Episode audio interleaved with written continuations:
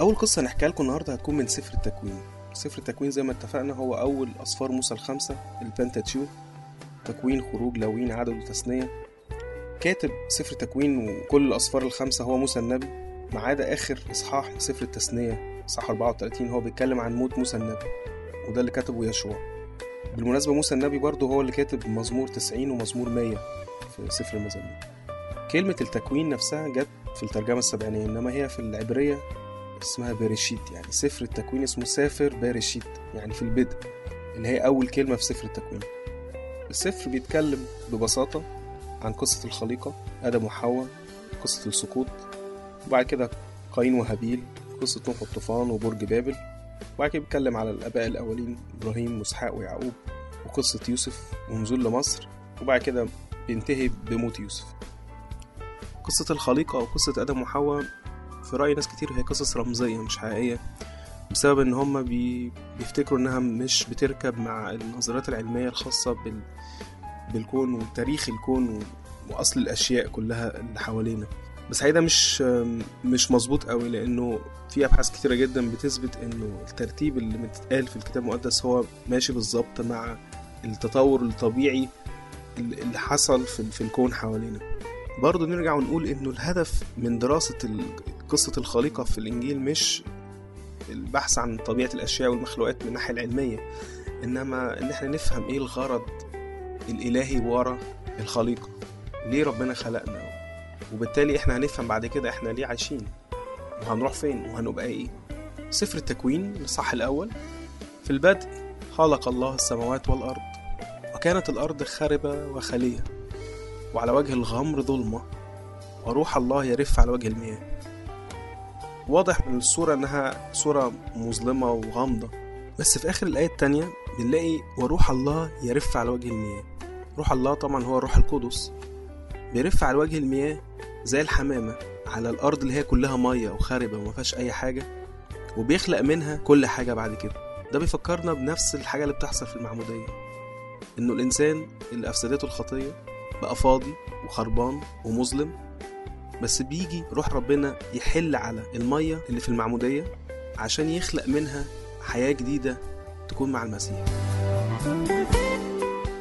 وقال الله ليكن نور. فكان نور.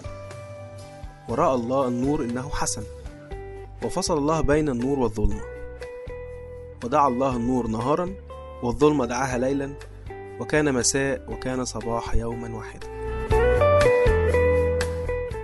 طيب قبل ما ما نتكلم على الآيتين دول أو الثلاث آيات دول أحب بس أفكركم إنه وكان مساء وكان صباح يوما واحدا. طبعا اليوم مش يوم زي بتاعنا لأنه ما كانش أصلا في أيام ولا حتى تتقاس بالسنين لأنه ما كانش فيه لسه اتخلق شمس وقمر وأي حاجة اللي هي الحاجات اللي بتتحكم في الأزمنة.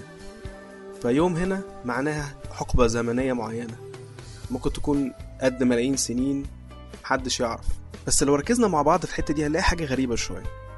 إزاي بقى في نور من غير ما ربنا يخلق الشمس؟ هو إيه النور ده؟ ده جاي منين؟ طبعا هو في كذا تفسير للموضوع ده بس أنا هتكلم عن تفسيرين. التفسير العلمي إنه مجموعتنا الشمسية نشأت عن حاجة اسمها سديم. السديم ده زي سحابة من الغازات اللي هي بتبقى موجودة ما بين النجوم. السديم ده مادة خفيفة جدا. ومتكونة من ذرات كتيرة جدا. بس هي ذرات بعيدة عن بعض. الذرات دي أو السديم ده كله بيلف حوالين مركز معين. نقطة جاذبية في مركز السديم ده. مع استمرار الحركة بيبتدي السديم ده ينكمش الفراغات بتطلع فبالتالي الكثافة بتاعته بتزيد ناحية المركز. طبعا كل ما الكثافة بتزيد التصادم بتاع الذرات دي بيزيد. فبالتالي كل الحرارة بتاعة السديم ده بترتفع. مع استمرار ارتفاع الحرارة بيبتدي الإشعاع اللي صادر من السديم ده بيبقى حاجة هتتشاف زي الشرارة كده. فتبتدي أنوار تبان بس هي أنوار لسه قليلة جدا. وده هو تفسير لظهور النور الأول. قبل تكوين الشمس طبعا بالصورة اللي إحنا شايفينها دلوقتي اللي هي اتحققت في. في اليوم الرابع أو الحقبة الرابعة. فهو النور اللي كان ظاهر ده كان لما كانت الشمس في حالتها الأولى قبل ما تبقى كاملة. لو مش فاهمين الموضوع ده قوي مش مشكلة لأنه مش مهم إن إحنا نفهمه بالصورة العلمية التقيلة دي. وأنا عن نفسي بميل الحقيقة للجانب الرمزي اللي في الموضوع.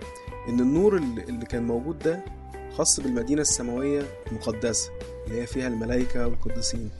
الحقيقة كمان وموضوع النهار والليل هو متقال في, آية في سالونيكي الأولى جميعكم أبناء نور وأبناء نهار لسنا من ليل ولا ظلم.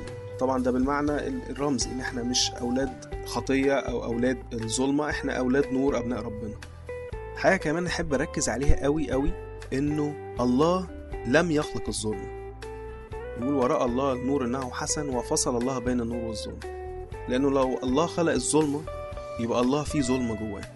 الله ما خلقش حاجة وحشة هو خلق كل حاجة حلوة. فالظلمة هي انعدام النور أي انعدام وجود الله في أي مكان. وبالتالي الظلم اللي هنا هتكون بتشير للشيطان أو للخطية بوجه عام. وإزاي إن ربنا بعد سقوط الشيطان ومعاه الملائكة الكتير اللي كانوا أتباعه.